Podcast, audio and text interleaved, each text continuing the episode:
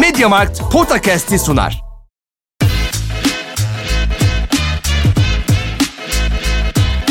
Potakast. Kaan Kural ve Orkun Çolakoğlu'yla NBA gündemine haftalık bir bakış.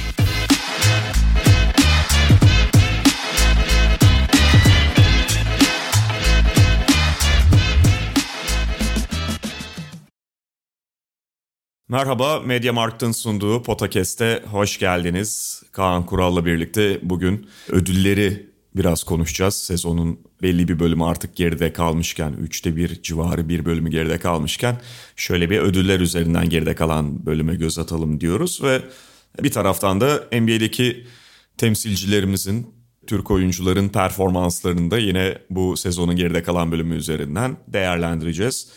Kaan abi hoş geldin. Hoş bulduk. Yılbaşı yaklaşıyor. Bir hediye operasyonun ya da yükümlülüğün diyelim. Operasyon değil de yükümlülüğün diyeyim. Daha doğru bir ifade olabilir. Var mı?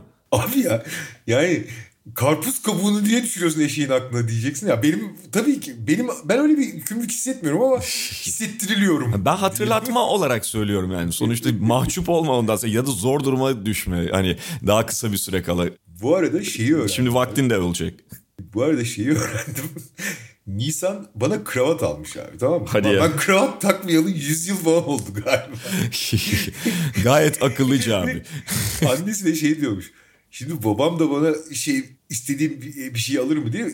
Klasik abi biz gene Mediamarkt kapılarına sürükleyecek galiba. Yani. Olabilir. Bu arada yani Nisan'ın bu kafasındaki hani takas mantığı ve dengeleri hakikaten babadan geçmiş. Fantazilikte çok başarılı olabilir ya. Evet. Ee, yani. Evet. Mediamarkt'ta da güzel yılbaşı kampanyaları varmış. Evet sizin de Kaan Kural gibi yükümlülükleriniz varsa ya da yükümlülükten öte yani gönlünüzden kopuyorsa yılbaşında hediye almak istiyorsanız kendinize ya da başka insanlara Mediamarkt kendini bir hediye merkezi olarak konumlandırmış durumda. Dolayısıyla oradaki ürünleri ve kampanyaları takip edebilirsiniz. Valla şey şakası bir tarafa dediğim gibi hani bir kere daha aynı mesajı tekrarlayacağım ama eğer almayı plan herkesin bütçesi farklıdır. Kendinizi zorlamayacak şekilde bütçeniz varsa ve almayı düşündüğünüz bir şey varsa almak iyi fikir. Yani daha sonra almak çok daha zorlaşacak yani muhtemelen. Bu kampanyalardan da faydalanın efendim. Yani yılbaşı oluyor. Başka diğer Mediamarkt'ta şu anda yılbaşı kampanyaları var. O kampanyalarda en azından belli fiyat avantajları hakikaten çok yararlı olabilir. Çünkü herkes için mali açıdan çok kolay günler geçmiyor. Öyle maalesef öyle. Bir tane bir şey alınca sen stokçuluk yapıyorsun falan demezsin. Demezler herhalde. ne bileyim sen niye bilgisayar aldın? Ha? Şey, yok muydu senin bilgisayar? Abi telefon değiştirmek için çok iyi dönem bu arada. Yani tabii ki eskimemiş bir telefonunuzu sonuna kadar kullanın yani de telefon değiştirmek için çok iyi bir dönem olduğunu düşünüyorum ben şahsen. Eğer değiştirme zamanı yaklaşmışsa ama hani elzem gibi görmüyorsanız bütçeniz varsa onun elzem olduğunu düşünerek yapın diye tavsiye edebilirim dinleyicilerimize. Evet ben mesela şu anda düşünmüyorum ama düşünme vakti geldiğinde de düşüneceğim günlerde de telefon değiştiremeyebilirim diye düşünüyorum. Bakalım o zaman ne olacak. Ben artık telefonu bırakma yoluna gitmeyi düşünebilirim o zaman. Yani başladığım noktaya dönmek belki iyi bir fikir olabilir. Zaten ili, telefonla iletişimi biraz azaltmaya çalışıyorum. Ya telefonla iletişim artık e, daha ziyade WhatsApp üzerinden olduğu için son dönemde WhatsApp perhiz, perhizi yapmaya çalışıyorum. Belki de o yola gitmek, o yola girmek daha mantıklı olacak benim için. Peki dediğimiz gibi üçte bir sezonda geride kalmışken ödülleri konuşalım diyoruz. Yani ödüller konuşulacaksa da MVP ile başlanır. Aynen. Eski köye yeni adet getirmenin alemi yok. Şöyle söyleyeyim. Biz ödülleri kim alır tahmini gibi yapmıyoruz. Yani daha önce dinleyicilerimiz biliyordur. Biz oy veriyor olsak kime veririz gibi yapacağız. Ama tabii Amerikalıların kriterlerinden de hani bahsederiz bu arada. Bizim kriterlerimizle ört, büyük oranda örtüşüyor tabii ki. Yani kötü oyuncuya vermiyoruz da. Onların daha öncelikli tuttuğu bazı alanlar var. Ee, hatta bizim Orkun'la belli açılardan e, hafif daha ayrıştığımız alanlar oluyor. Yani daha ağırlık verdiğimiz, e, önem verdiğimiz alanlar olabiliyor. Tabii ki şunu da Mesela en basit Ha. en basit örneğini söyleyeyim. MVP dedi. Bir anket yapılmıştı oy verenler arasında. Açık ara önde gidiyor Stephen Curry mesela Amerikalılar arasında. Hı hı. Açık ara bir de yani. Şimdi oraya geliriz. Bir de tabii şunu da söylemek lazım. Yani sezonun üçte biri yaklaşık olarak biraz daha fazlası geride kaldı. Bu tabii ki şey yani net bir böyle bölüm sunuyor ama her şeyi de sunmuyor. Fikstürler çok karışık. Sonuçta aynı fikstürü takip etmiyor takımlar.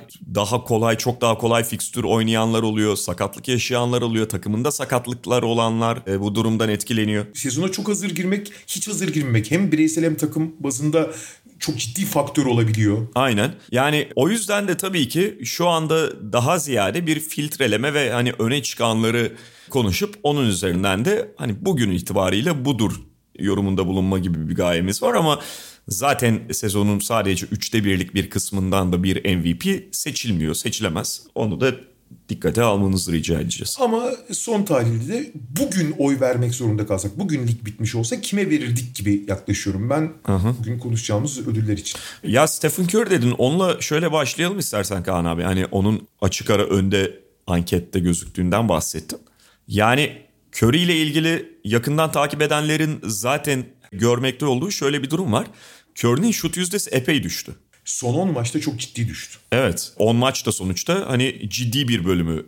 Tabii, üçte birlik kısmın yani üçte birlik kısmında oranlarsan 82 maçtan bahsetmiyoruz çünkü. Çok ciddi bir bölüm. Hatta şöyle ifade edeyim. E, Stephen Curry bugün itibariyle bu sezon o 2019-2020'yi saymayalım çünkü elindeki kırık nedeniyle sadece 5 maçta oynamıştı o sezon Stephen Curry. Onu dikkate almayalım. Kariyerinin açık ara en düşük şut yüzdesiyle oynuyor ve üçlük yüzdesiyle oynuyor. Şöyle 10 maç öncesine kadar hakikaten çok etkileyiciydi. Yani son 10 maçta ciddi kötü etkilendi Doğru. yüzdeler. Ve özellikle iki sayı yüzdesi biraz daha 3 sayı yüzdesinden daha dramatik düştü. Yani asıl düşüren o. Ya ben Amerikan mutfakta biz çeyrek sonunda yapıyorduk. O zaman Stephen Curry'i biraz hafif önde görüyordum ama işte ondan sonra gelişen maçlar çok ciddi değiştirdi. Ya ben açıkçası şöyle söyleyeyim. Bundan bir 10 maç öncesine kadar falan Amerikan mutfakta değerlendirirken 4 tane oyuncu arasında çok fazla ayrım yapamıyordum. Bunlar Nikola Jokic, Giannis Antetokounmpo, Kevin Durant ve Stephen Curry. Yani bu dördünden herhangi biri olabilir diyordum. Fakat şu anda geldiğimiz noktada ben açıkçası Stephen Curry'nin diğer üçünün bir adım gerisine düştüğünü düşünüyorum şahsen. Fakat diğer üçü arasında da gerçekten seçim yapmak lazım. Şimdi işte bunların bir adım gerisine düştüğü demek Stephen Curry kötü oynayan falan demek değil abi. Yani bir kere Durant, Antetokounmpo ve Jokic öyle bir standartta oynuyorlar ki yani geçtiğimiz 10 yılki MVP'ler arasında bile çok özel yerlerde performanslar sergiliyorlar. Yani yok hiç mesela en basiti geçen seneki harika MVP sezonundan daha iyi oynuyor abi. Daha üst düzey oynuyor yani. Evet artık göz ardı edilemeyen bir şeye dönüştü bu durum. Yani sezon başında ya e, falan hani Denver çok dikkate alınmıyordu. Hala biraz radar altı gidiyorlar bütün takımın eksikleri ve istikrarsızlığından ötürü ama yok için performansı acayip bir noktada. Şey var burada yeri gelmişken söyleyeyim. Bir de gene Amerikalıların bakış açısıyla nedense yok içe karşı sportif bir ırkçılık var. Şöyle sportif ırkçılık. Stili estetik açısından çok Amerikalılara hitap etmediği için, estetik olarak kötü demiyorum. Amerikalılara hitap etmediği için, atletizm üzerinden oynamadığı için, başka şeyler yaptığı için Amerikalılara yeterince cazip gelmiyor. Hani artistik puanlamada yok içe çok gönülleri kaymıyor Amerikalıların. Bu ona ırkçılık yaptıkları anlamında yani bildiğimiz ırkçılık anlamında değil. Sportif bir anlamda bir ayrımcılık yapıyorlar bence. Ve nedense yok için hakkını vermekte çok zorlanıyor. Halbuki şu anda rakamsal olarak yok hiç herkesin önünde aslında. Rakamsal olarak bakarsan. Sırf safi rakamlara bakarsan. Bütün gelişmiş istatistikler yok hiç birinci sırada gösteriyor. Ama tabii sadece rakamlar ve istatistikler yeterli değil. Ama yok hiç geçen seneden daha üst düzey oynadı. Geçen sene yok için en büyük dezavantajı olan savunma konusunda yok hiç bu sezon çok ciddi aşama kaydetti. Değişen savunma kurallarına inanılmaz adapte olmuş durumda. Ellerini çok daha fazla kullanmasına izin verildiği için ve ayakları belki yavaş olabilir ama elleri çok çabuk olduğu için yok hiç gerçekten savunmada tamam bir Yanis etkisi yarattığını kimse iddia etmiyor. Ama artık bir negatif faktör de değil. Yetmezmiş gibi yani bütün doğru yaptığı şeylere oranla. Olağanüstü. E diğer taraftan yok, yok için en büyük özelliği abi. Yok için zayıf maçı yok abi. Abi adamın zayıf maçı yok. Her maçı MVP standartında oynuyor. Bu çok çok çok değerli bir şey. Sonuçta Lebron da olsan kim olursan ol abi 7-8 maçta bir tane maçı tökezleyebilirsin. Durant'in de var, Yanis'in de var mesela. Hı hı. Bu normal bir şey, bu insani bir şey. Bu bir oyuncunun 7-8 maçta bir tanesinde falan beklentilerin altında kalmış kötü atması falan çok kabul edilir bir şey ve o oyuncuya negatif yazmaz. Ama bunu yapmıyorsan artı yazar abi. Bunu yapmıyorsan yani 7-8 maçta bir tökezlemiyorsan, istediğini veremiyorsan falan dediğim gibi bu negatif yazmaz ama yapmayana artı yazar abi. Ve bu yok için çok ciddi bir artı bence. Diğer taraftan Yanis abi yani Yanis'i anlatmaya gerek yok. Abi Yanis'in de nasıl yok hiç dedim ya geçen sene üstüne oynuyor. Abi Yanis de özellikle Brook Lopez'in olmamasından da faydalanarak rolü biraz değiştiği için Yanis'in nasıl bir savunma canavarına dönüştüğünü bir kere daha gördük. Abi Yanis'in savunmada bu sezon yarattığı etki inanılmaz. Çünkü artık devriye gibi değil direkt bekçi gibi oynuyor. Ve inanılmaz etkiliyor işi savunma tarafından. Hücumu zaten biliyorsun çok daha rahat oynuyor. Geçen sene final serisinde yaptıktan sonra mental bariyerleri açtığı için çok daha rahat hissediyor kendini. Bunu görüyorsun. En basiti serbest atışları alıyor. 3-4 saniyede atıyor abi. Hiç umursamıyor bile yani. Hı hı. Hani çok rahatlamış. Bunun oyununa etkisi ortada. Yok hiç Antetokounmpo ile ilgili olarak ikisinin de takım arkadaşlarına olan etkisi de çok inanılmaz. Yani yok için hem organizasyondan oyun kurucu adam. Antetokounmpo'nun da her alanda yani hem savunmada her şeyi toparlıyor olması hem hücumda da mesela Antetokounmpo bu sezon inanılmaz asist rakamlarına ulaşıyor. Kendisine gelen baskı üzerinden. Hı hı. Belki yok hiç kadar yaratıcı değil ama o da etkili abi sonuçta. Durant bunlardan şu açıdan ayrılıyor. Durant de evet takım arkadaşlarını oynatmaya çalışıyor. Savunmada bence üst düzey bir savunmacıya dönüştü zaten Golden State'de artık onu çok daha fazla yapıyor. Çünkü Brooklyn'in yan parçaları bu sezon istediğini çok veremediği için Durant'in sorumluluğu da artmış durumda.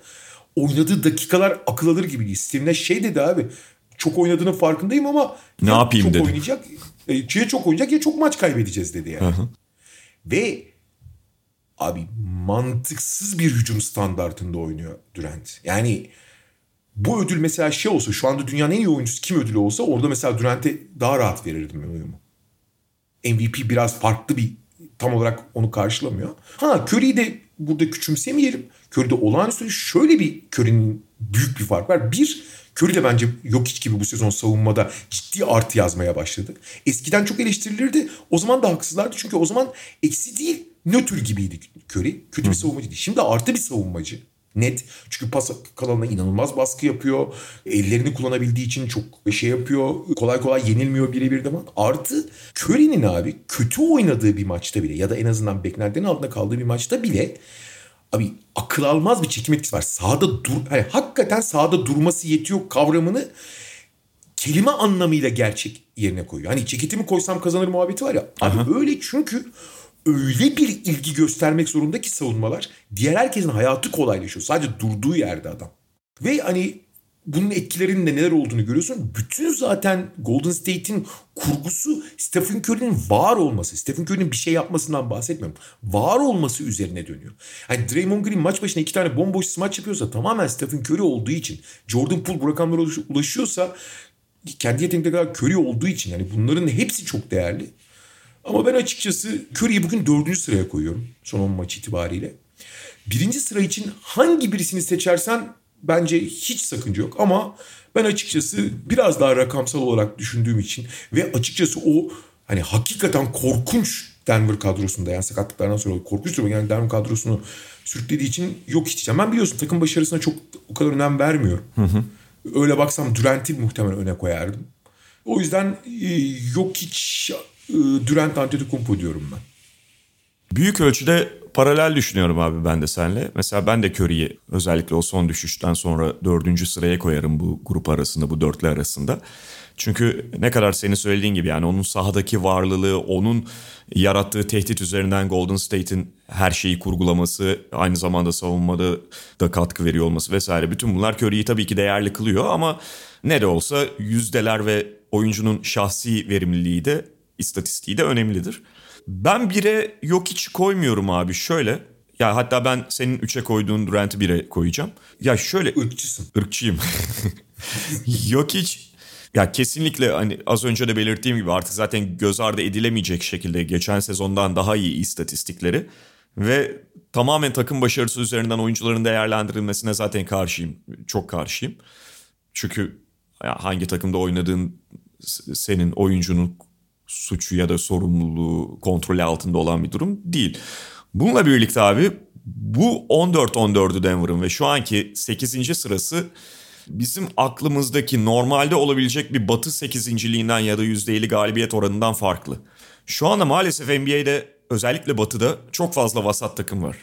Doğru. Çok fazla sorunlu takım var ve yani dediğim gibi bu yok için kabahati değil. Yok hiç olmasa senin de söylediğin gibi iyice aşağı çökmüş olurdu bu takım. Ya da yok hiç standart bir performans sergiliyor olsaydı epey böyle playoff'un arkasında kaldıklarını görebilirdik. Şu anda herhalde New Orleans düzeyinde falan olurlardı. Ama yine de hani aa bak öyle ya da böyle sekizinciler diyemiyorum. Çünkü bu yok için katkısıyla olduğu kadar şeyle de alakalı. Yani Dallas, Lakers, Clippers daha iddialı. İlk üç dışındaki her, ilk üç dışındaki her takım. Portland falan yani hani e, özellikle beklenti altında kalan ama bunlar çok sorunlu takımlar. Ve o anlamda da hani zaten bir şekilde e, su yüzü yüzeyinde kalma ihtimali artıyordu Denver'ın. Ama yok hiç çok büyük oynuyor orası ayrı. Ben Kevin Durant diyeceğim. Yani şey istatistikleri... Şey bu arada hakkını vereyim. Yani çok geçerli ve hani beni ikna eden bir argüman o. Yani oyuncular arasındaki fark bu kadar azken takım başarısı çok ciddi bir ve takım başarısı senin söylediğin konteksteki takım başarısı belirleyici olabilir. O konuda hakkını vereyim yani. Çok haklısın ben. Bir de şu var abi yani aslında istatistik olarak yan yana koyduğunda özellikle hani gelişmiş istatistiklerle birlikte ya da işte çok böyle hepsine ciddi anlamda dikkate alırsan sayının ötesine bakarsan evet yok içle Antetokounmpo Durant'e ağır basıyor. Ama ben işte istatistiklerin de biraz oyuncu rolü ve pozisyonu dahilinde değerlendirilmesi gerektiğini düşünüyorum. Yani Kevin Durant'in 7.8 reboundu yok içe göre evet az kalıyor. Ama takımdaki rolü zaten farklı Kevin Durant'in. Rebound alması bekleniyor ama tam olarak ağırlıkta rebound alacak bir pozisyonda ya da şeyde değil. İşte şut yüzdesi yok içe göre aşağıda kalıyor olabilir ama farklı noktalardan zaten Durant üretimini sağlıyor ve o noktalarda NBA'in en iyisi olmuş durumda falan.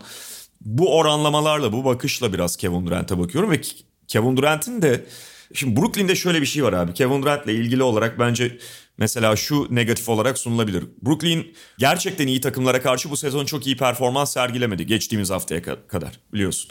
Onların en büyük problemlerinden biriydi. Şu son işte kazandıkları şey maçları Atlanta maçı mesela onların bu seneki en nitelikli galibiyetlerinden biri oldu. Rakibin durumu da şu anda süper olmasa da.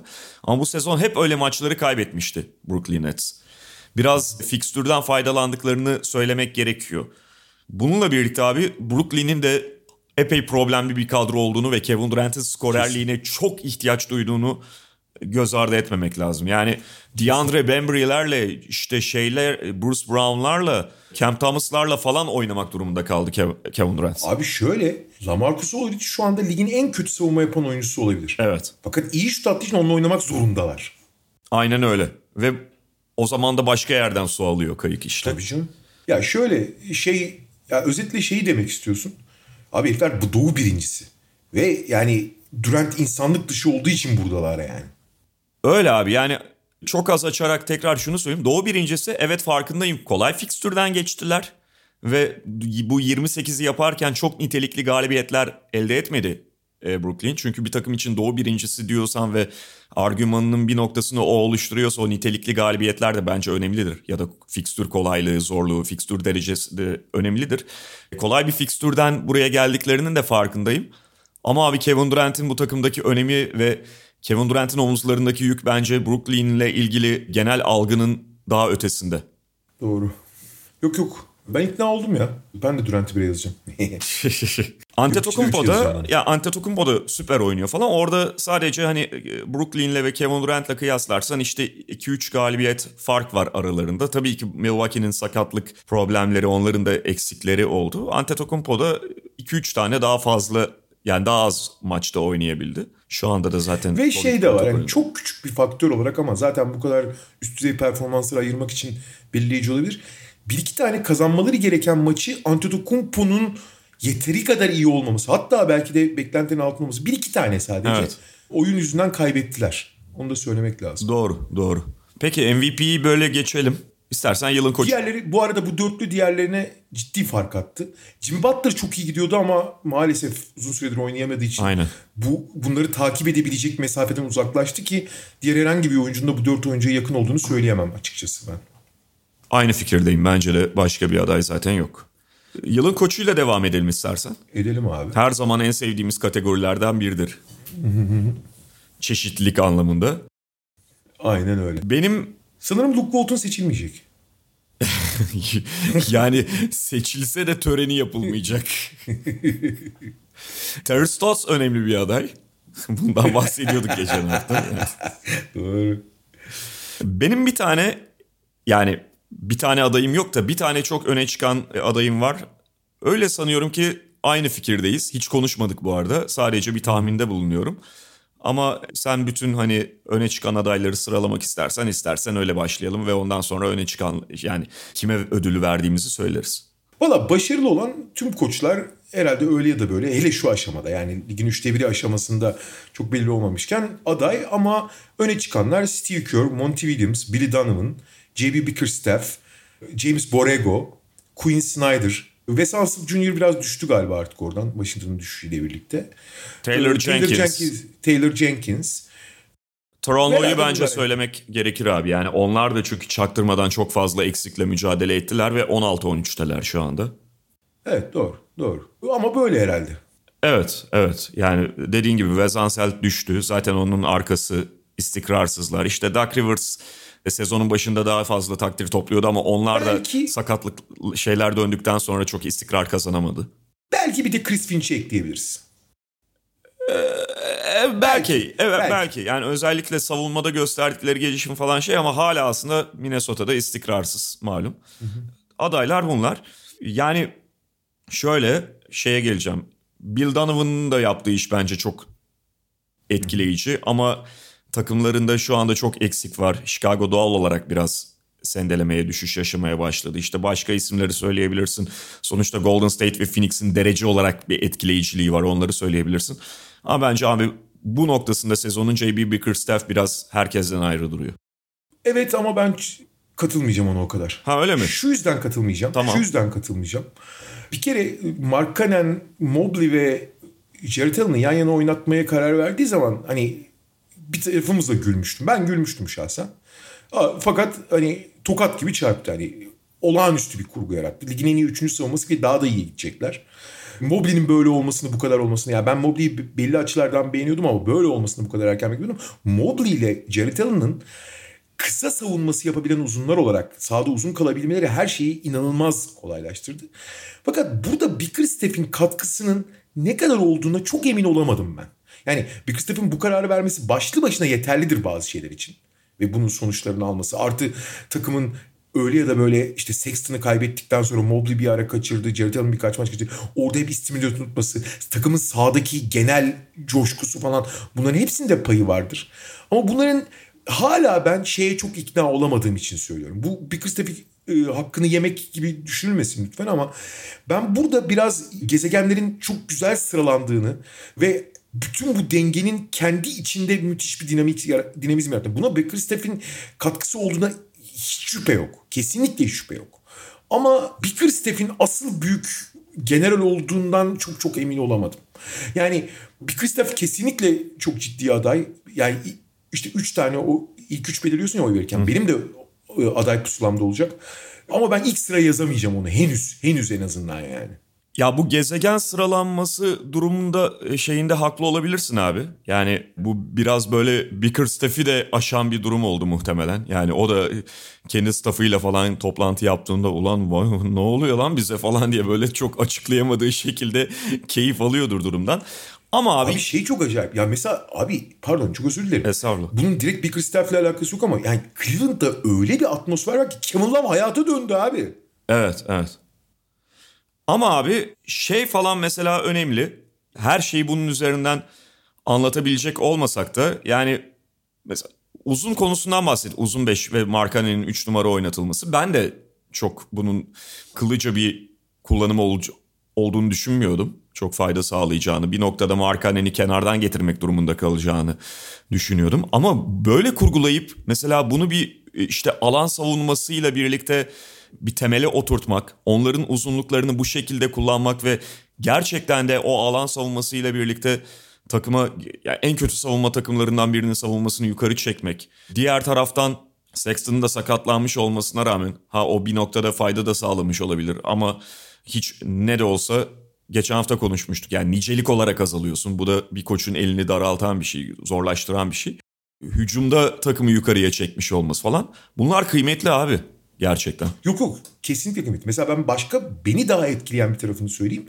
Abi Isaac Okoro'yu kullanış şekli yani Isaac Okoro'nun hücumda bocalaması ki onların kısa hücumcusuna çok ihtiyacı var. Hı hı. Fakat onu önce da, rolünü azaltıp sonra bir şutöre dönüşmek, şutu güvenilir olmaması hemen kendi şutuna güvenmesini sağlaması, onu monte edip rehabilite etmesi bence çok etkileyici mesela. Yani ona hiçbir şey diyemem. Mesela biz Cedi ile bir röportaj yapmıştık. O da söylüyordu. O da Cedi'nin görevini net tanımlaması, Cedi'yi rahatlatması, onun etkili olmasını sağlaması. Bunlar hakikaten çok etkileyici. Keza Ricky Rubio'yu kullanması. Mesela kolaycı bir koç şey yapabilirdi abi Sexton sakatlandığında. Abi Rubio'yu ilk beşe yerleştireyim güvenilirdir yani. Çünkü saha içi general o. Ha bu arada mesela benim Bickerstaff'i biraz henüz tam ikna olmamın en büyük sebeplerinden biri de Rubio da orada çok büyük rol üstleniyor abi. Yani saha içinde bir koça sahip olmanın değeri çok büyük. Hakikaten çok büyük. Kesin abi. Bu Bickerstaff'i Bickerstaff'ten götürmez yanlış anlaşılmasın. Ben sadece bunu biraz daha örmek istiyorum. Şu açıdan söyleyeceğim. Bickerstaff olağanüstü. Dediğin her şeye katılıyorum. Benim bire yazmamamızı ben Steve Kerr'den daha fazla etkilendim çünkü. O yüzden öyle söyleyeyim daha doğrusu. Hı hı. Şöyle hani bunu da hani çok şey yapmaya gerek yok. Abi Golden State ligin en karmaşık basketbolunu oynayan takımlardan. Çünkü read and, read and react oynuyorlar. Yani oyunu oku ve ona göre reaksiyon ver. Abi mesela Kelly Oubre'yi geçen seneki Kelly Oubre'yi ve bu seneki Kelly Oubre'yi düşün tamam mı? Hani Kelly Oubre maalesef çok düşünerek oynayabilen bir oyuncu değil. Yani takımı iki sayı öndeyken 20 saniye top kendilerindeyken 15 saniye kadar şut atabilecek kapasitede bir oyuncu kendisi. Ama Charlotte'da olağanüstü oynuyor. Niye? Çünkü Charlotte tempolu çok düşünmeden oynayan bir takım olduğu için çok da verimli oluyor. E, eyvallah. Geçen sene burada perişan oldu abi adam. bir kere şimdi tabii ki Draymond Green'in Stephen Curry'in varsa hayat belli açılardan kolay ama buna herkes ve Iguodala'yı geri almaları, Bielitsa'yı monte etmeleri bunlar çok çok değerli bunun çalışabilmesi için. Geçen sene çalıştırsaydı o zaman dersin. Yani geçen sene niye çalıştıramadı? Geçen senenin ikinci yarısını tamamen ikili oyun oynamak zorunda kaldı. Weizman'a falan bunu anlatamadığı için. Ha büyük koç olaydı da anlataydı dersin o zaman. Ama bunu anlatabileceği oyunculara anlattığı zaman da işte böyle bir şey ortaya çıkarıyorsun. Çünkü Golden State'in bence kapasitesinin çok üzerinde oynuyor olması ya da benim en azından beklediğim kapasitenin üzerinde oynuyor olması Kör'ün bu sofistike sistemi bütün oyuncularla oynayabilmesi, onlara aktarabilmesi, okuyup reaksiyon veren basketbolu herkese uydurabilmesi ve bunun rotasyonunda görece gayet iyi yapması. Bir. İkincisi abi şu Golden State malzemesine bakıyorsun oyuncu malzemesine. Hı hı. Tamam Draymond Green çok çok çok çok özel bir oyuncu. Hiçbir şey demiyorum. Ama abi ligin en iyi savunması da olmaz yani. Yani bu hani hem mental hem teknik olarak çok ciddi bir yatırım gerektirir. Buralarda benim Steve Kerr'e biçtiğim pay Cleveland'ın durumu daha etkileyici olabilir belki. Ama ki hatta üç uzunu yan yana oynatmak işte Okoron durumuyla falan daha şey diyebilirsin. Ben ama hala Kör'ü bir çeyrek adım önde görüyorum şahsen. Doğru olabilir abi. Burada şeyin de aklına verelim. Monty Williams'ın da geçen seneki finalden sonra bu sezon öyle bir takım tabanı yarattı ki. Abi tıkırt yani bir takım ancak bu kadar makine yani bir zamanların San Antonio'su gibiler ya. Yani tıkır tıkır oynuyorlar. Bu takıma tamamen işlemiş. Ha tabii orada Chris Paul'un Chris Paul'e sahip olmanın avantajları falan ayrı konu. Ama yani takımın belli şeyleri otomatikleştirmesini acayip sağlamış. Ve iki sene önce yani tamam geçen sene final oynamış olabilir ama iki sene önce ligin en kötü takımından bahsediyorsun ya ne özgüveni olan ne tekniği olan takıma inanılmaz bir temel yerleştirmiş durumda. Evet abi ve yani hep söylüyoruz Phoenix gerçekten oyun çeşitliliği, e, hücum çeşitliliği en yüksek takımlardan biri NBA'de. Şeyi söyleyebilirim abi. Ve aptalca taba, maç kaybetmiyorlar abi. Yani bu dediğin gibi Tabanı en yüksek takım abi. Tabanı en yüksek takım. Evet işte yani bağlantılı şey aptalca maç kaybetmiyorlar kesinlikle. O tabii ki Chris Paul'la çok alakalı ama biraz da senin söylediğin gibi koçun oturttuğu temelle de şeyi var. Bir korelasyon var. Hangi ödüle geçelim? Savunmacı diyelim istersen. Diyelim. Ben bunda fazla uzun konuşmayacağım abi. Gober her zaman burada bir değişmezdir. Ama bence bu ödül şu anda Gober 3. sırada ve iki kişinin arasında hangisini tercih edersin sana kalmış gibi geliyor. Bilmiyorum başka itiraz olacak ama Antetokounmpo mu Draymond Green mi e, tartışması var burada. Hı şöyle yani ligin en iyi savunması konumunda olabilir ve buradaki Draymond Green'in rolü sadece kendi yaptığı değil takıma yaptırdığı takım arkadaşını yönetmesi açısından olabilir ama Antetokounmpo diyorum ben ya. Ben Antetokounmpo diyorum. Yani o tek başına bir savunma duvarı yani. Tek başına yani ve 5 oynuyor çoğu zaman. Yani inanılmaz değiştiriyor oyunu. İnanılmaz değiştiriyor. Yani Bobby Portis çok zayıf bir savunucu. Onun falan eksiklerini kapatıyor. Grayson'ın eksiklerini kapatıyor. Herkesin eksiklerini kapatıyor. Her şeyi yapıyor. Ben Green de olağanüstü ama bir adım Antetokounmpo diyeceğim. Şey ilginç yalnız bu sene. Onu, onu çok kısa da ondan bahsedeyim. Bu sene aksiyon noktasındaki temaslara biraz daha izin verilmesiyle ben biliyorsun her zaman şey derim yani bir uzunun etkisi e, dünyanın en iyi, yani kısadan çok daha fazladır. Hala öyle bu değişmedi ama kısaların kısa savunmasının etkinliği çok artmış durumda. Evet. Hani bu sezon işte Caruso'dan bahsediliyordu işte Dejon Tömeri falan birkaç bir oyuncudan bahsedirsin kısa savunmacısı olarak. Onların Mikal Bridges mesela onların bu ödüldeki adaylığı biraz güçlendi. Ha tepeye gelmediler ama ondan hani bahsetmek zorunda hissettim. Aynen abi ben de bıraktığın yerden alayım kendi şeyimi söylemeden önce. Yani bu sezon ödülü alamayacak ama 1-2 yıla Michael Bridges Kawhi Leonard'dan beri en korkulan ve yani etki eden dış savunmacıya dönüşebilir gibi geliyor. Kawhi Leonard hani Kawhi Leonard'dan beri derken son Kawhi Leonard'dan bahsetmiyorum tabii. San Antonio Kawhi Leonard. o San Antonio'daki son 2-3 sezonunu zaten izleyenler bilenler bilir acayip bir etkisi vardı Kawhi Leonard'ın ve gerçekten Kawhi Leonard'ın tıpkı işte pota altında oralarda gezen Rudy Gobert gibi psikolojik bir etkisi de oluyordu. Kawhi Leonard'la eşleşen oyuncu yani çok böyle Lebron'lardan falan bahsetmiyorsak tamam topu benden alın ve başka tarafından savunmanın gitmeye çalışalım kabulüyle oynuyordu. Öyle bir etkisi vardı Kawhi Leonard'ın. Bridges'ın belki daha yolu var ama oraya gidebilir abi iş. Şöyle küçük bir nokta söyleyeyim. Bridges evladımdır biliyorsun hani aşırı severim. Bridges'in çok ufak bir sorunu var abi. Bridges fizik olarak biraz yetersiz çünkü güçlü oyuncular çok yönlü bir savunmacı değil o kadar. Yani çok güçlü oyunculara karşı çok bocalayabiliyor. Yani bocalayabiliyor derken aynı etkinliği gösteremiyor. Ama mesela Stephen Curry'ye karşı falan olağanüstü savunmalar yaptığını da görüyorsun bir taraftan da yani. Doğru abi ama şey çok uzun. Çok uzun evet. Çok uzun ve Ama abi, o uzunluğu Le- çok Le- iyi kullanmaya başladı. Lebronlar falan onu zor değil. Yani Lebronları falan savunamıyor diyeyim. Ha sonuçta her oyuncu herkes savunacak diye bir şey yok ama o kadar çok yönlü değil anlamında söyledim sadece. Şeye gelirsem abi ya Antetokounmpo konusunda çok haklısın da işte üçte birlik bölümden bahsediyoruz burada ve ben defensive rating'de açık ara birinci olmanın eğer o takım içerisinde de net bir savunma temeli varsa ona bir şey bir getirisi olması gerektiğini düşünüyorum.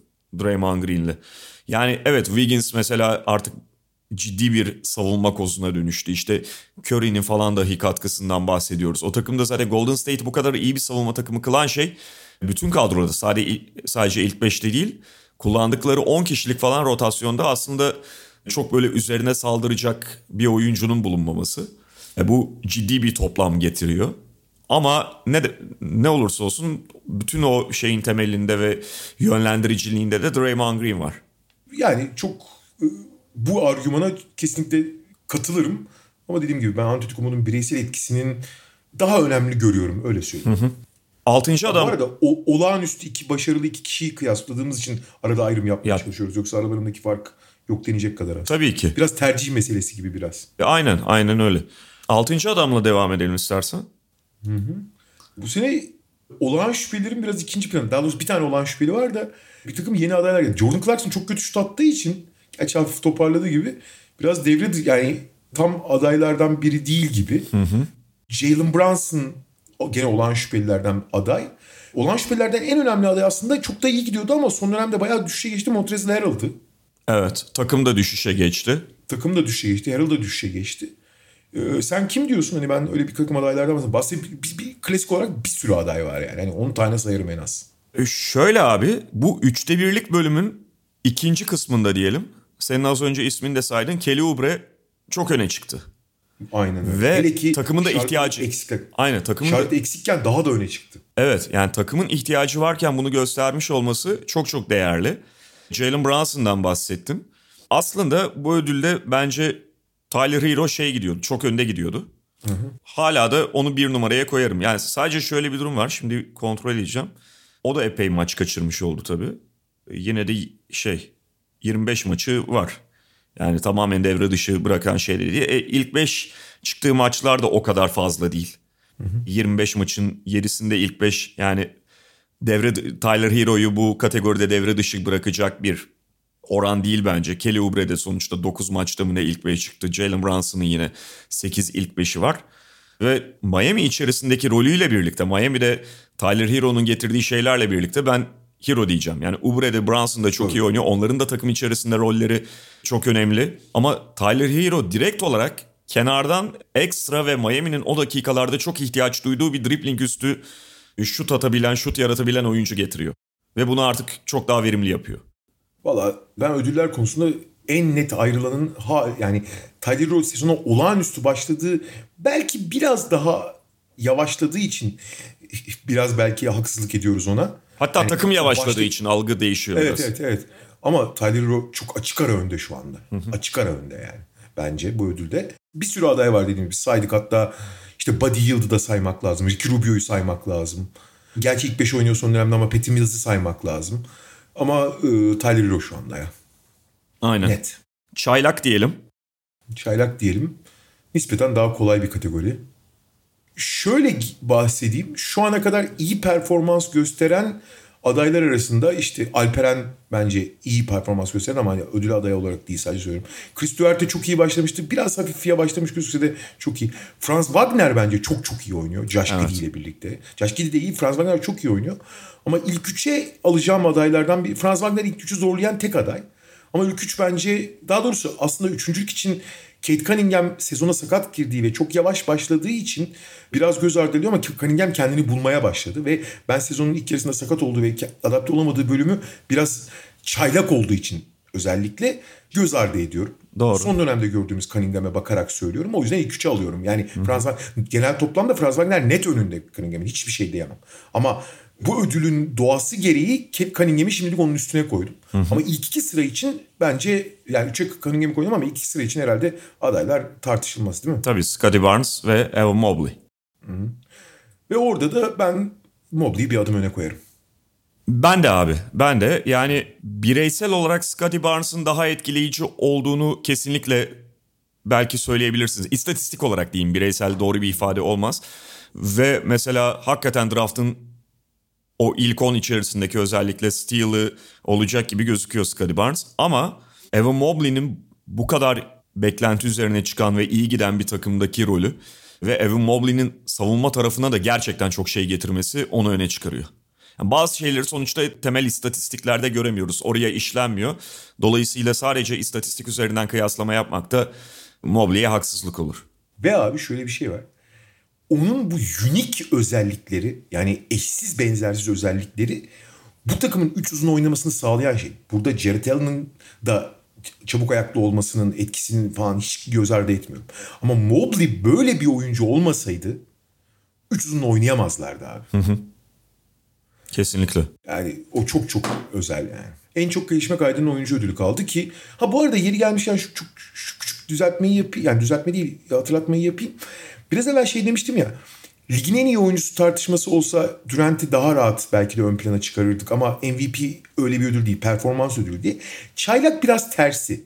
Çaylak performanstan çok en iyi gözükene daha yakın bir ödül. Yılın çaylağı ödülü. O yüzden mesela Cunningham'i şu anda Wagner'in önüne koyuyorum. Yoksa Wagner performans olarak net Cunningham'in önünde. Yani hiç kimse bir şey söyleyemez ona. Ama bu ödül yani en iyi yılın çaylağı ödülüne en azından benim, benim bakış açım biraz daha en iyi oyuncu anlamındaki çaylak. En iyi performans anlamındaki değil yani. MVP'de tersi. Peki MIP orada da adayları sıralayalım. Ligin ilk bölümü için yani ilk üç deviri için e, verilmesi en zor ödül bu. Doğal olarak. Doğası gereği. Evet yani çok değişir çünkü. Hatta geriye doğru gidenler olduğunu görürüz. Fakat şöyle bir düşününce abi bu sezon ve bu bölüm itibariyle o kadar da fazla aday yok gibi geliyor. Bilmiyorum hani sen farklı düşünüyor musun? Şöyle diyelim istersen güçlü aday yok diyelim. Yoksa tabii ki kendi geliştiren adaylar var. Özellikle ikinci senesindeki oyuncuların bu ödüle aday olması her zaman biraz sorunludur. İşte o yüzden Cole Anthony ve Tyrese Maxey'i nereye koyacağını tam bilemiyorsun. Ama güçlü aday sayısı normalin biraz altında haklısın. Yani işte söylediğin Cole Anthony'nin, Tyrese Maxey'nin yanındaki Anthony'yi ben biraz daha dışarıda bırakıyorum. Biraz işte o noktalarda takım kalibresi beni etkiliyor düşüncemi. Tyrese Maxey'ninki çok daha öne alınması gereken bir şey gibi geliyor. Yani onun yanına da Jordan Poole dışında aklıma çok fazla gelen yok abi. Doğru. Doğru. Ya Kevin Love var tabii. E Şöyle tabii daha güçlü adaylar var. Yani ödüle ilk üçe yazacağımız. Tyler Hero biraz evvel bahsettiğimiz bence onlardan biri. Belki Tyler'ın durumu biraz ilginç çünkü yani olağanüstü bir beklentileri çok yukarı çıkaran belki harika bir çaylak sezonu geçmedi ama hala bir çaylak playoff'u geçirdi. Oradan sonra hani düştü mü çıktı mı o da biraz tartışmalı bir konu ama geçen seneye oranla ya da en azından iki sezon, normal sezonun oranla önemli bir çıkış yapmış durumda Tyler Hero. Hakkını teslim edelim. Hı hı. Sadece ilk çaylak yılı playoff'u öyle bir performanstı ki onun çıkış yapmasını biraz ilginç bir hale yani ilginç bir yere koyuyor. Valla açıkçası benim ilk üç adayım, dört adayım diyelim. İlk dört yani dört tane güçlü adayım var benim öyle söyleyeyim. Hı hı. Ee, biri Darius Garland. Doğru. Hı. Gerçek bir saha içi komutana dönüşmüş durumda. Hem skorer hem pasör olarak. Yani Garland'ın en büyük sorunu bu ikisi arasında hiç seçmeyi yapamazsa ikisi de kötü yapması. Şimdi ikisi hem seçmeyi biliyor hem ikisi de gayet iyi yapabiliyor. Hı hı. Fakat onu gene de dörde yazacağım. Şu, burada şey çok Ben var. bir kişiyi unuttuğumu fark ettim bu arada şimdi bir yandan. Tamam sen devam et abi. Şöyle Dejon Murray bence üçüncü. O da tabii ki biraz rolünün artmasından kaynaklı ama sadece bir savunmacı olmadığını, belli oranda dış şutunda da daha fazla kullanabildiğini, savunmada zaten olağanüstü olduğu kadar hücumda da bir tamam skorer demeyelim ama skor yükünü belli oranda çekebilecek bir oyuncu olduğunu gösterdi bence. Bu yani o ben çünkü en çok gelişmek oynayan oyuncuda rakamları artmasına öte yeteneklerinin artmasından yani daha çok şey yapabilmesinden daha etkileniyorum. O açıdan söyleyeyim. Ki Dejon Tömer için geçerli. Ben ama ilk iki sıra için e, iki adayım vardı. Fakat biri diskalifiye oldu mu olmadı mı emin değilim şu anda. Jamorant diskalifiye oldu mu şimdi? Jamorant mı? Hı hı. Yo niye? Ha diskalifiye olmadıysa abi o zaman iki tane birincilik için iki aday var. Yani o kadar da maç sayısının kaçırdığı maç sayısı diskalifiye edecek boyutta değil bence. Ee, yani evet o zaman kabul edebiliriz. Hı hı. Tabii şöyle de bir durum var abi. Morant sakatlandığından beri biliyorsun Morant sakatlandı Memphis ligin savunma veriminde sonuncuydu. Sakatlandıktan sonra onsuz mu çıktıkları maçta birinciler. Evet. Bu direkt tabii ki Jamorant'la çok alakalı. Ha Jamorant çok kötü bir savunmacı ayrı konu. Ayrı konu. Ama hani bu daha çok takımla alakalı. Yani Memphis geçen sene de Jamorant'la hiç kötü bir savunma takımı değildi ayrıca. Yani bu sezon çok kötü gidiyorlardı. Bu Jamorant'la direkt alakalı. Ama Jamorant abi işte yani bu bence ona biraz darbe vuruyor. Ne olursa olsun bu değişim. Bu kadar dramatik değişimde öyle ya da böyle Jamorant'a da bir eksi yazar. Gelişim açısından en azından çok eksi yazar. Ama abi Jamorant'ın sezon başında biraz belki bir süredir oynamadığı için unuttuk ama hani oyununu ne kadar geliştirdiğini artık şu, şutör demeyeceğim ama şutunu bir tehdit olarak kullanabildiğini, yaratıcılığını ne kadar efektif kullandığını. Devamlılıkta hala bence biraz sorunlu. O konuda bence biraz daha geçmesi lazım ama hani başka bir seviyeye çıktığını görmüş gördük yani. yani o, o bambaşka bir durum. Ee, o kesin. Ama e, hala yani kaçırdığı maçları hesaba katmasak bile onun bir çeyrek adım önünde biri vardı ki dediğim gibi o da ilk belki son maçlarda biraz düşüşte, düşüşte demeyelim de aynı etkileyicilikte değil diyelim. Ama Miles Bridges abi. Yani ben biliyorsun geçen sene sonundan beri acayip hı hı. etkilenmiştim ondan. Tek bir sorunu kaldı Miles Bridges'in. Miles Bridges ha- sadece kendisinin ne kadar iyi bir oyuncu olduğunun farkında değil abi. Hakikaten değil. Şöyle bir durum var abi. Ka- kariyeri boyunca başrolü oynamamış oyuncuların o role psikolojik olarak hazırlanması kolay olmayabiliyor. Teknik olarak hazırlanabiliyorsun ayrı konu. Kendi çalışıyorsun. Ama psikolojik hazırlanmak başka bir şey. Hani Kobe kafasına girmek, Lebron kafasına girmek o kadar kolay ki. Lebron için bile kolay olmadı abi hatırlamıyor musun kariyerini yani? Hı hı. İşin kötü yanı takımın kurgusu itibariyle Miles Bridges'e çok şey verdiği gibi ama Lamelo işte Kelly Oubre, Terry Rozier gibi, Rozier gibi yamyamlar olduğu için ona da şey fırsat da kalmıyor. Borrego da takımı çok oraya itemiyor. Yani Miles Bridges'ı o role iten bir takım da yok. Bu yüzden abi Abi maç başlıyor. Abi geçen gün 7-8 kişiyle sahaya çıktılar. İlk 5 dakika top gelmedi abi adama. yani inanılır gibi değil bu. Ve Miles Bridges şu aşamada abi Miles Bridges artık yeni Lebron'dur ya. Yani şu açıdan yeni Lebron'dur. Hani çok yönlü yani her şeyi yapabilecek oyuncu referansı LeBron ya NBA'de. Abi Miles Bridges hakikaten her şeyi yapabiliyor. Dribbling üzerinden oynuyor, sağıyla solla bitiriyor, fizikle oynuyor, atletizmle falan hiçbir şey söyleme, söylemeye gerek yok zaten. Ama şut sokabiliyor, pasör, her şey var abi adamda. Her şey ama her şey. Evet. Yani geçen sene o ikinci yarıda da biliyorsun ben de çok etkileniyordum. Şeydi hakikaten çok ciddi performans artışı vardı. Hatta yani şu anki düzeyinde olmasa da buna yakın istatistiklere gelmişti. Geçen Yani sezonun Özellikle son bir buçuk ayda, son, son ikinci değil, son bir, bir buçuk ayda inanılmazdı. gelmişti. Evet oralara gelmişti Miles Bridges.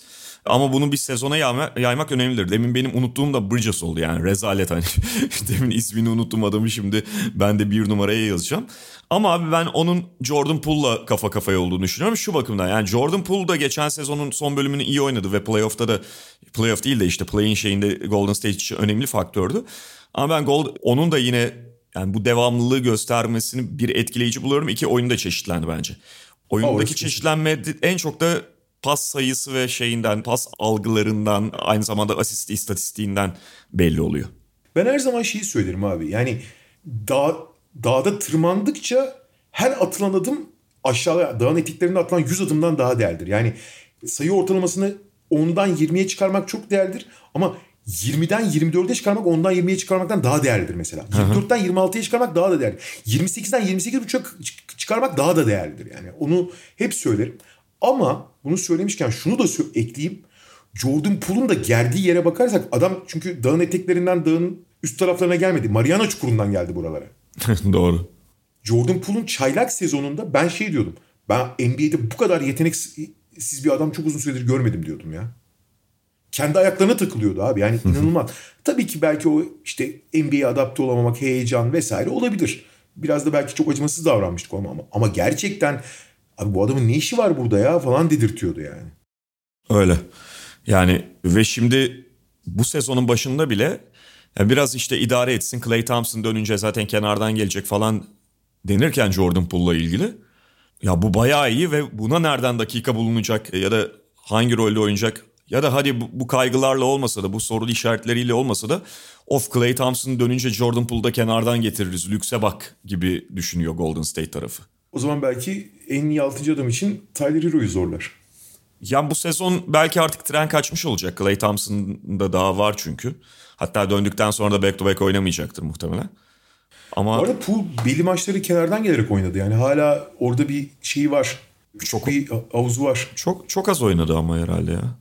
Yani tam ben de şimdi miktarı hatırlayamadım ama Hemen hemen rakamları kontrol ederek hemen gazeteciliğimizi konuşturalım o zaman. gazeteciliğimizi ve internet Bağlantımızı. yet- yetilerimiz, yetilerimizi kullanarak bakıyoruz. 28 maçta ilk 5 başlamış. Zaten 28 maç şey 28 maç o. E bütün maçta ilk 5 başlamış abi. Ben nereden uydurmuşum? çok enteresan oldu.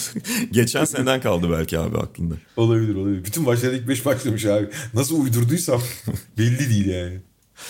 Olayı olayı Ulan bir tane maç kenardan gelir, gelmiş olur insan. Jordan Poole'a atalım mı burada topu abi? Ulan bir tane maça da insan kenardan gelir. Ayıp ediyorsun çok. Kardeşim görgüsüz müsün Jordan? Aynen. Evet, evet bitirdik galiba kategorileri değil mi? Evet. Evet. Tamam. Şimdi Bizim oyuncularımıza geçelim. evet hani genel bir böyle şu ana kadarki performanslarını değerlendireceğiz. Kimden başlayalım ya da bütün olarak mı konuşalım? Bahsettiğimiz isimlerden bir Cedi'den başlayalım istersen. Tabii.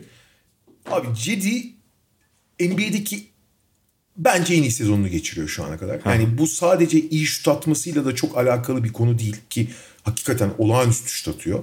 Bu tabii ki pek çok şeyi kolaylaştırıyor. Onun içinde hem psikolojik olarak hem takım içinde barındırmak açısından da. Fakat abi Cedi'nin röportajında söylediği bir şey de vardı. İlk defa bu kadar rahat Cedi. Ve rahat olduğu zaman ve takım bir kurgusu olduğu zaman Cedi'nin veriminin arttığını biliyoruz. Çünkü Cedi çok üst düzey yeteneklerle değil müthiş bir tamamlayıcılıkla oynayan iyi yapılarda verim veren bir oyuncu ve huzur tabii ki her oyuncu olduğu gibi huzurlu olduğu zaman abi çok huzurlu, rolünü çok iyi bilen, yapı olduğu için onu çok iyi tamamlayan harika bir sezon geçiriyor gerçekten. Allah nazar de- de- değdirmesin diyoruz. Şey, Yani 22 dakika oynuyor. İşte 11 sayı, 2.5 rebound, 2 asist ortamı var. Hani çok çok etkileyici gözükmeyebilir ama bunu ne kadar verimle yaptığı ve takıma ne kadar katkı yaptığı bence daha önemli. bir top çalma. Evet. %41 üçlük atıyor. Ta savunmada birçok oyuncuyla eşleşebiliyor. Bir top çalma olduğu kadar takip blokları LeBron'un şeyini yapıyor. Söylediğini izinden giden takip blokları yapıyor.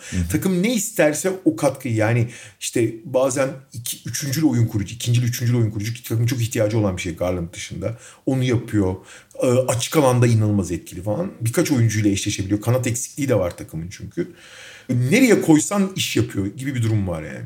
Aynen öyle. Ya şey çok önemli tabii abi. Yani sen de söyledin işte kendi rolüne oturması, kendi iyi oynayacağı role oturması ve sonuçta hani Cedi'nin NBA kariyerine başlangıcı LeBron'un takım arkadaşı olarak oldu belki ama belki sonraki yıllarda akıldan çıktı. Bir sezon sadece yan yanaydı Cedi ve LeBron. Ve LeBron sonrası Cleveland tam bir dağınıklık. Aynen. O dağınıklık- hiç istemediği ortam. Evet yani o dağınıklık Cedi'ye iyi gelecek bir şey değildi. Kendi kendine bir şey açmaya çalıştı ama taşların yerine oturması gerekiyordu. İlk defa bu kadar o ta- taşlarını yerine oturtabilen bir Cleveland var ve kesinlikle Cedi'ye de yansıması oluyor olduğunu görüyoruz. Fu- Furkan'la Furkan'a devam edelim. geçersek Furkan harika bir ilk yani sezonun ilk bölümü geçirdi bence. Tek kelimeyle olan takımın ona güveni inanılmaz artmıştı. Takım oyun kurucu eksiği varken oyun kurucu oynuyordu şeyle birlikte Tyrese Maxey ile birlikte Ben Simmons'ın durumundan ötürü. Bu onun sadece bir şutör olarak değil çok yönlülüğünü de ortaya çıkarmıştı. Takımın ona güveni, onun kendi güveni artmıştı ama sezonun ikinci yarısı özellikle bu işte Kasım'ın ortasından itibaren ve Aralık ayı e, maalesef hiç ama hiç iyi geçmiyor Furkan için. Öyle abi ve ben hani biraz şeyi de gözlemliyorum. Yani Furkan sonuçta kenardan da şut atması konusunda muhtemelen oyunda olduğunda onun görevlerinden birinin mümkün olduğunca o şutu atmak, o tehdidi oluşturmak olduğu konusunda motive ediliyor, telkinde bulunuluyor ama Furkan kötü başladığı maçta çok düşebiliyor. Maalesef. Yani ilk iki şut diyelim ki kaçtı. Oradan çok böyle aşağı doğru yokuş aşağı gidebiliyor psikolojik olarak. Maalesef. Ve normalde bir şutörün bu psikolojiyle oynamaması lazım tabii. Hani ideali en azından. Dileriz onu onu yukarı çek, çek- çıkarır ve mental olarak o direnci kazanır Furkan. Abi çok dramatik bir şey söyleyeceğim. Aha. Ki bir saniye pardon. 2, 4, 6, 8, 10, 12, 14, 16. Son 16 maçta abi 70'te 13 üçlük attı. Evet. maalesef. Ömer Faruk dişiyle tırnağıyla kazandığı NBA yerini yani kimse onun NBA'de yer alabileceğine çok ihtimal vermezken G League'de şey yaparak, çabalayarak, oyununu çeşitlendirerek bir şekilde önce NBA'de yer buldu. Şimdi Bam Adebayo'nun sakatlığında da rol gelince az da olsa dakika almaya da başladı. Biliyorsun Udonis Haslam'ı tekrar sahaya sürmüştü. O kadar çaresizdi Miami. Yani Aynen. hala Ömer Faruk'a çok güvenmiyordu ama Ömer Faruk orada da dişiyle tırnağıyla mücadele ederek kendine henüz küçük ama yani belki bir NBA oyuncusu için küçük ama Ömer Faruk için ve yeteneklerini aşma ideali, yeteneklerini aşma ilhamı için çok çok çok çok çok büyük adım attı yani. Bugün rakamları falan hiç önemli değil. Bugün Ömer Faruk rekabetçi olunan bir anda sahaya çıkabilecek şeyi sağlamışsa yeterliliği bu bu yani en çok saygı duyulacak şeylerden biri ve bunu yapmış durumda şu anda. Kesinlikle ve yani Miami'ye hakikaten şey olarak da bakmamak lazım. Yani bu kadar sakatları var illa orada araya girilecek rotasyonda bir yer var ya da işte daha önce girmesi lazım daha fazla dakika alması lazımdı gibi bakmamak lazım. Tam olarak öyle değil çünkü Miami'nin anlayışı ve yapısı. Ya evet bir fırsat vardı e, bu kadar sakatlıkla birlikte ki geçen sonuçta yani Ömer Faruk'un çok yeni geldiği bir ortam değil ona bir aşinalık var falan ama kadro daraldığında bile belli bir süre Spolstra kendi rotasyonunu şey çok geniş tutmamak istedi. Ve o kadar şeye e, genişlemeye işte tamam o dakikayı Ömer Faruk alsın diye hemen süre vermeye hazır değildi. Söylediğin gibi abi yani burada bu yetenek dahiliyle falan yer açmış olması kendini bu tutunmayı gerçekleştirmiş olması başlı başına değerli. Ve yine daha önce ifade ettiğimiz bir şey yani NBA'in kendi bünyesi içerisindeki oyuncuları en iyi geliştirebilen yapılarından birinde belki de birincisinde şu anda yer alıyor Ömer Faruk. Bu otomatikman tabii ki gelişeceği çok daha iyi bir oyuncu olacağı anlamına gelmiyor. Yani bu adamların da elinde sihirli değnek yok. Herkesi böyle 6 ayda 12 ayda 2 yıl içerisinde kademe kademe daha yukarıya götürmüyorlar ama bu ciddi bir şans. Çok zor bir ortam bir tarafından Miami. Çok disiplinli bir yer. Miami Heat bir organizasyon ama diğer taraftan orada tutunabildiği müddetçe de ilerleme şansı da çok daha fazla. Ve gelelim sadece bizim değil tüm NBA'in sevgilisine. Şeylerin abi özellikle Twitter NBA'inin.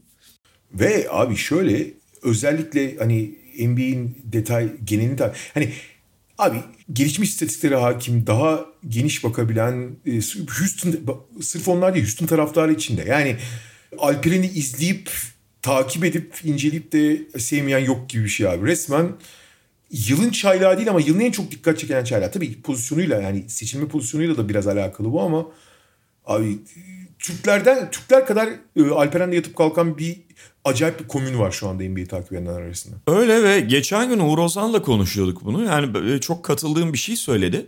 Bence Alperen de bunun durumun biraz farkına vardı ve o demin Twitter NBA'yi dediğim kitleye oynamıyor. O kitleye oynamıyor ama sürekli onlara bir şeyler sunuyor. Doğru. Yani bunu yapmak için oyununu zorlamıyor ama bence aklının bir köşesinde duruyor. Bu highlightlar. Çünkü Houston Rockets ne olursa olsun yani şey bir takım artık bugün iki sene önceki Harden'lı Houston Rockets'ın popülaritesiyle kıyaslanamaz. Normalde playoff'un dışında kalması beklenen bir takım ve e, haliyle bu yoğun NBA gündemi içerisinde, normal sezon gündemi içerisinde Houston Rockets'a çok fazla süre gelmeyecek. Houston Rockets'ın kenardan gelen bir çaylağı da normal şartlar altında çok böyle başlıklarda öne çıkmaz ya da insanların e, o takımı yakından takip etmeyen insanların ilgisini çekmez. Ama Alperen highlight, highlightlar üzerinden kendisine böyle açılın dercesine bir yer açtı. Kesinlikle açtı. Özellikle hani mesela biz Alperen'in burada özellikle abi adam 18 yaşında Türkiye MVP'si oldu ve Türkiye Ligi MVP'liği öyle küçümsenecek bir şey değil abi. Tabii ki. Bir onu bir sularım. Fakat burada bir sürü yeteneğin yanında çok çok o kadar öne çıkmayan acayip bir pas görüşü e, ve yeteneği de göstermeye başladı. Hatta bazen zaman zaman biraz fazla zorluyor onları. Ama bunun repertuarında olduğunu, zaman içinde neler nelere dönüştürebileceğinin sinyallerini de verdi. Bütün diğer olumlu özelliklerinin ötesinde diyeyim. Yani NBA'de ekstra gösterdiği, yani e, normalin üzerinde gösterdiği olarak diyelim. Fakat onun dışında abi şey çok acayip. Şimdi Alperen çok büyük, çok hızlı vesaire ki bunlar çok temel faktörler bir oyuncunun başarısı için. Fakat abi Alperen'i çok özel kılan biraz Evan Mobley'e benzetiyorum bu açıdan. Evan Mobley de çünkü uzun bacaklı ve çok rahat hareket edemeyen bir oyuncu olması gerekirken dizlerini normalden çok daha fazla kırıp ağırlık merkezini aşağı indirebildiğini çok rahat hareket ediyor ayakları üzerinde. Boyunla ve bo- bacak uzunluğundan çok daha rahat hareket ediyor. Çünkü bacak uzunluğu çok önemlidir abi hareket rahatlığı açısından, lateral hareket açısından. Hı hı. Mobley çok unik bir karakter o açısından. O açıdan. Yani onun bacak boy, bacak vücut oranına sahip oyuncuların %99,5'u Mobley gibi hareket edemez ve çok sorunlu yaşarlar. Alperen'in de şöyle bir durum var. Abi Alperen çok çabuk bir oyuncu mu? Daha doğrusu şöyle çok hızlı değil o kesin tamam mı? Hı hı. Müthiş atlet de değil. Fakat abi çabukluk ve çevikliğin başka faktörleri var. Ve Alperen oralarda inanılmaz ya. Bir kere hani vücut esnekliği ve koordinasyonu akıl almaz boyutta. Yani tarifsiz boyutta gerçekten. Bir de çevikliği falan da tamam. Bir de Alperen'i bütün NBA oyuncularından belki de ayıran çok önemli bir özelliği var. Abi Alperen step dansçısı gibi ya. Herkesin bir nasıl hani diyoruz ya Yanis işte herkesin iki adım attığı yere bir adımda ulaşıyor. Şey gibi Hüseyin Bolt gibi adım atıyor diyoruz ya. Alperen bunun antitezi. Herkesin bir adımda geçtiği yere Alperen iki adımda geçiyor. Ama aynı sürede iki adım attığı için bir mesafe olarak kaybetmiyor. İki vücut ağırlık merkezini değiştirmeden bu hareketi yapabiliyor. Çok basit bir şey var. Şimdi genelde bir oyuncu rakibin üzerine gittiği zaman ne gerekir?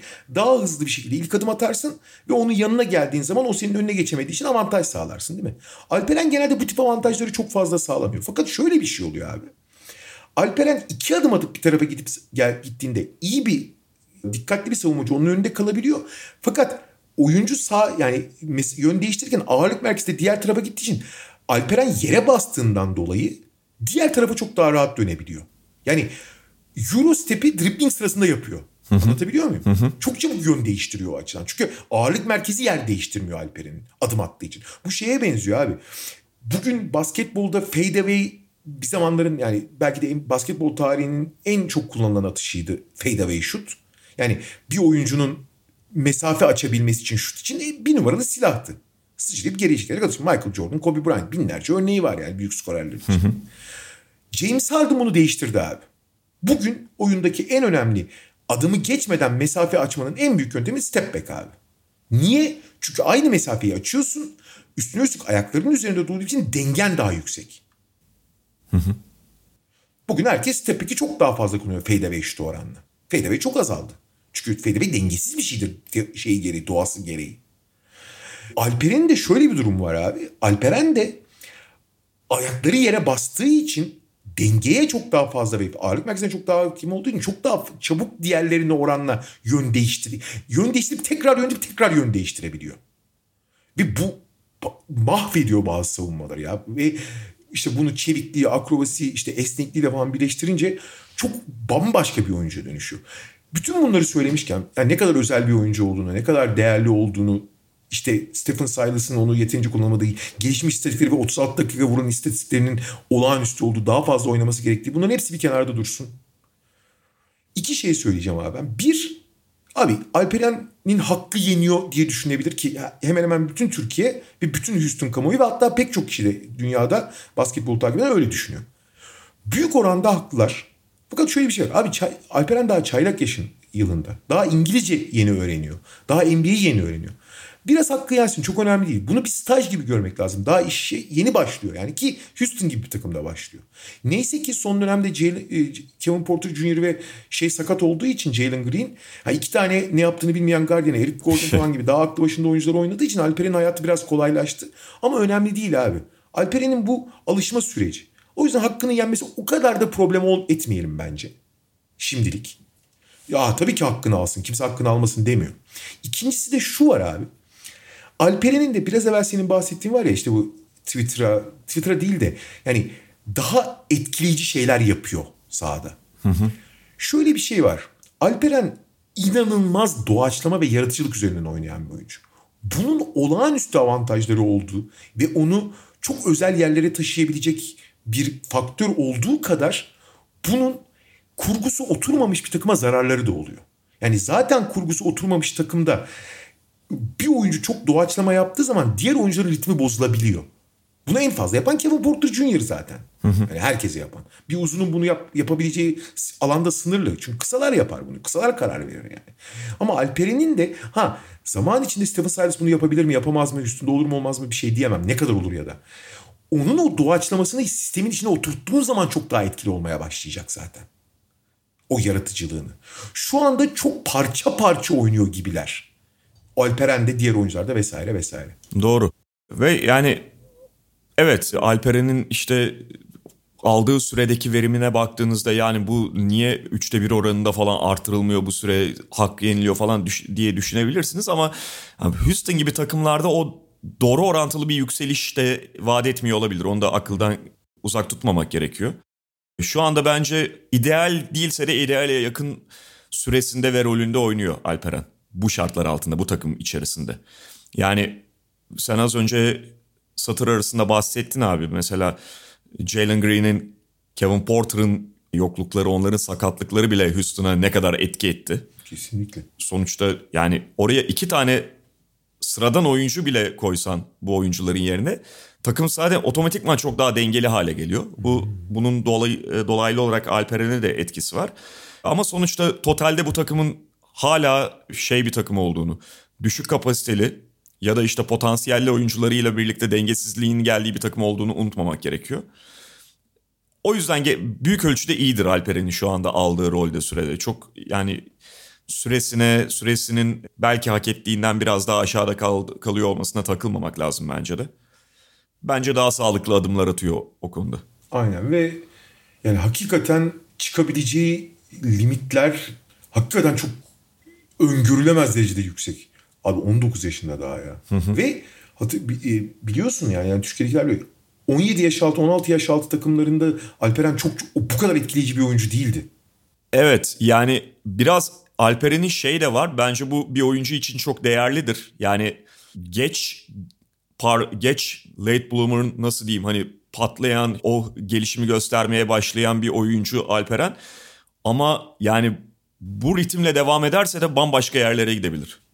Ve yani çok özel bir oyuncu dediğim gibi yani bu adımlamasıyla ve ayaklarının üzerinde kalabilmesiyle ve işte özellikle bu pas yeteneği de çok ön plana çıkınca yani bunu da gösterince ben mesela yok hiç benzetmelerini hiç gerçekçi bulmuyordum. Bir başka türev yok hiç gibi bir şey limitler var yani. Yani öyle benzetmeler artık çok daha gerçekçi. Hı hı. Dileriz bu şekilde de devam eder.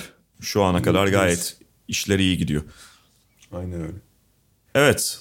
Ekleyeceğim bir şey var mıydı abi? Yok abicim. Bugünlük bu kadar diyelim Mediamarkt'ın sunduğu Podcast'ten. Haftaya tekrar görüşmek üzere ediyoruz. Hoşçakalın. Hoşçakalın. Mediamarkt Podcast'i sundu.